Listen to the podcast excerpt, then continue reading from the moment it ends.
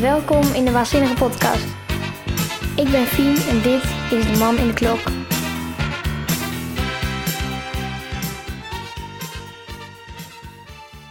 Ja, laten we beginnen met de titel. Wie is de man in de klok? Dat is een eh, man, een soort van een schoonmaker. En die zorgt ervoor dat de eh, klok steeds een stukje verder gaat. De man in de klok is een van de misschien wel honderd voorbeelden van Dutch design uit dit boek. Deze levensgrote klok is te zien op Schiphol. En in die klok is een man aan het werk. Je ziet hem een beetje vaag achter het glas met een wisser en een spons, en verf en een kwast. Hij veegt elke minuut de wijzer weg en verft er een nieuwe voor in de plaats. Wauw. Ehm, Dutch design. Kende je dat woord al voordat je dit boek ging lezen? Nee, ik, ik wist design wel, maar ik wist niet dat er allemaal soorten design waren. Dutch betekent Nederlands en design betekent ontwerp. Fien weet er nu alles van. In Eindhoven is er een soort van een Dutch Design eh, Academy. En dat is eigenlijk, geloof ik, een, eh, een soort van school voor studenten. Waar je een soort van allemaal kunst eh, maakt, maar dan echt Nederlandse kunst. Dus porselein bijvoorbeeld. Echt Nederlandse kunst, maar ook toegepaste kunst. Dat betekent dat het kunst is voor dagelijks gebruik. En dit boek staat vol met werk van serviesontwerpers, tuinontwerpers, geluidsontwerpers, geurontwerpers, voedselontwerpers en veel meer. Je kunt het zo gek niet bedenken of het is ontworpen. Toevallig houdt Fien ook wel van ontwerpen. Ja, ik eh, heb laatst voor school een opdracht moeten doen. En dan moest je van iets ouds moest je iets nieuws maken. En toen had ik van een lege fles een spaarpot gemaakt. Dat is echt precies de opdracht uit het boek, lijkt het wel. Ja, er zijn ook heel veel kleine opdrachtjes en die vind ik heel leuk om te maken. Fien doet nog veel meer aan ontwerpen. Uh, ja, ik zit, ik zit dus eigenlijk op een cursus en dan ga je zelf een huis ontwerpen. En dat ga je dan op schaal zelf maken. Hoe haar droomhuis eruit ziet? Ja, ik hou erg van heel erg veel kleur. Dus um, als ik een huis, zou ontwerpen, zou ik heel graag een huis willen maken. Bijvoorbeeld met allemaal golven of met uh, heel veel rare driehoeken en allemaal hoeken en soort van.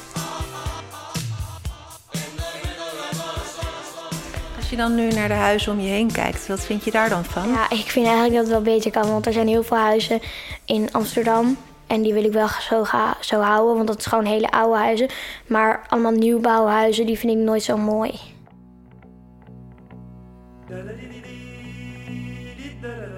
Maar wat maakt het boek nou zo bijzonder? Eh, bij elk verhaal is er wel iemand die um, iets heeft gemaakt. En dat kan je ook bezoeken. En dat vond ik heel erg leuk. Ik ben naar, in Utrecht naar het uh, huis van Gerrit Rietveld geweest. En dat is eigenlijk gewoon een soort van een huis met allerlei... Dus heb je rood, wit, uh, zwart en blauw, geloof ik. En geel.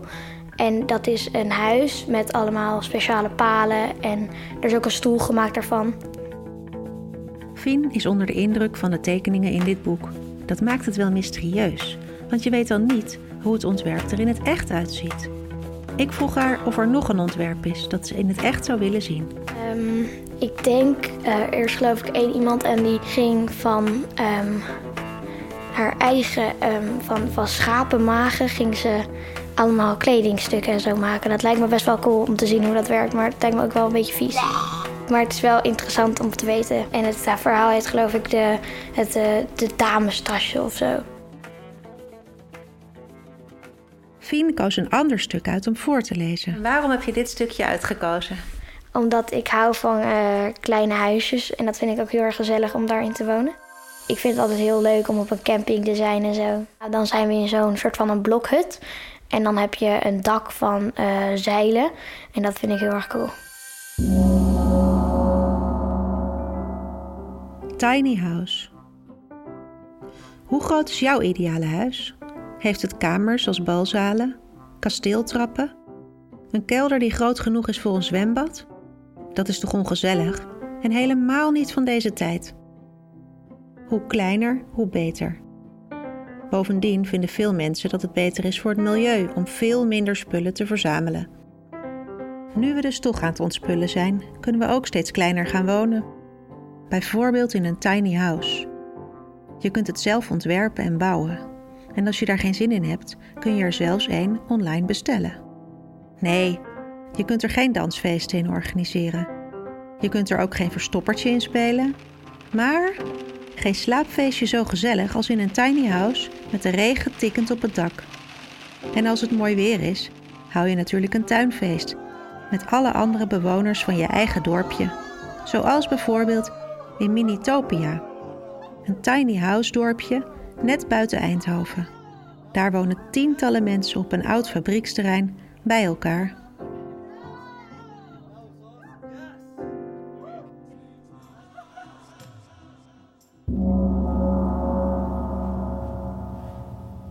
Fien ziet het al helemaal voor zich, met de hele familie in een tiny house. Dan zit ik dus met mijn uh, twee broers, mijn zus, mijn vader en mijn moeder en onze honden en katten.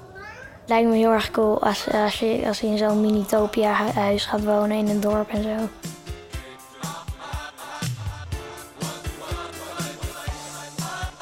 Fien zou wel in Minitopia willen wonen, maar niet voor altijd.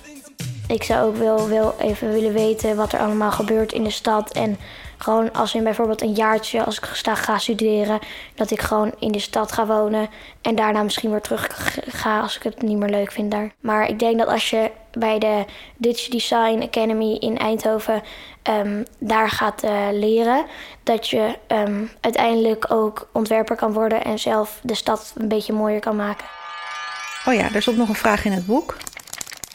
Hoe komt het dat kunstenaars in staat zijn om altijd weer iets volkomen nieuws te bedenken? Heb jij een antwoord op die vraag? Um, nou, kunstenaars doen niet altijd nieuwe dingen hoor. Oh. Want uh, er zijn dus ook heel veel, hier is ook uitgebleken dat heel veel kunstenaars gewoon dingen uit andere landen nemen. Dus bijvoorbeeld porselein komt uit China, terwijl het eigenlijk gewoon uh, met Nederlandse plaatjes is gemaakt. En net of doen of wij het hebben bedacht, wat gewoon Chinese mensen hebben het bedacht en zo.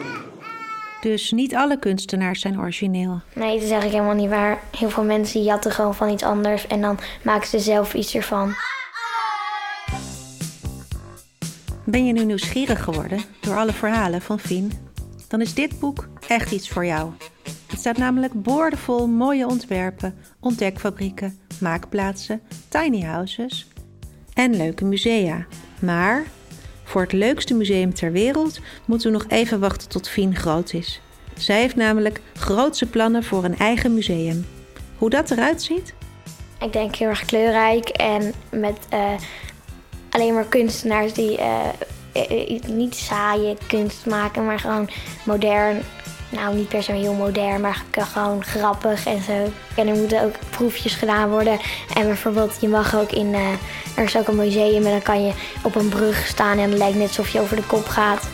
En dan ga je in een ballenbak. Dat wil ik ook heel graag in mijn museum.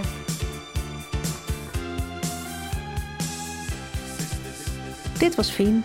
Zij vertelde over De Man in de Klok van Arend van Dam. De tekeningen zijn van Anne Stalinski. De volgende keer spreek ik Ivo over Mot en de metaalvissers. Ik ben een waanzinnig fan van de Waanzinnige Podcast en van Sander Rozenboom. Ik doe ook de biep op school, dus ik moet zorgen dat alle boeken op de goede plaats staan en dat kunnen ze niet omstoten. Oepsie. Tot over twee weken. Doei doei. Doei.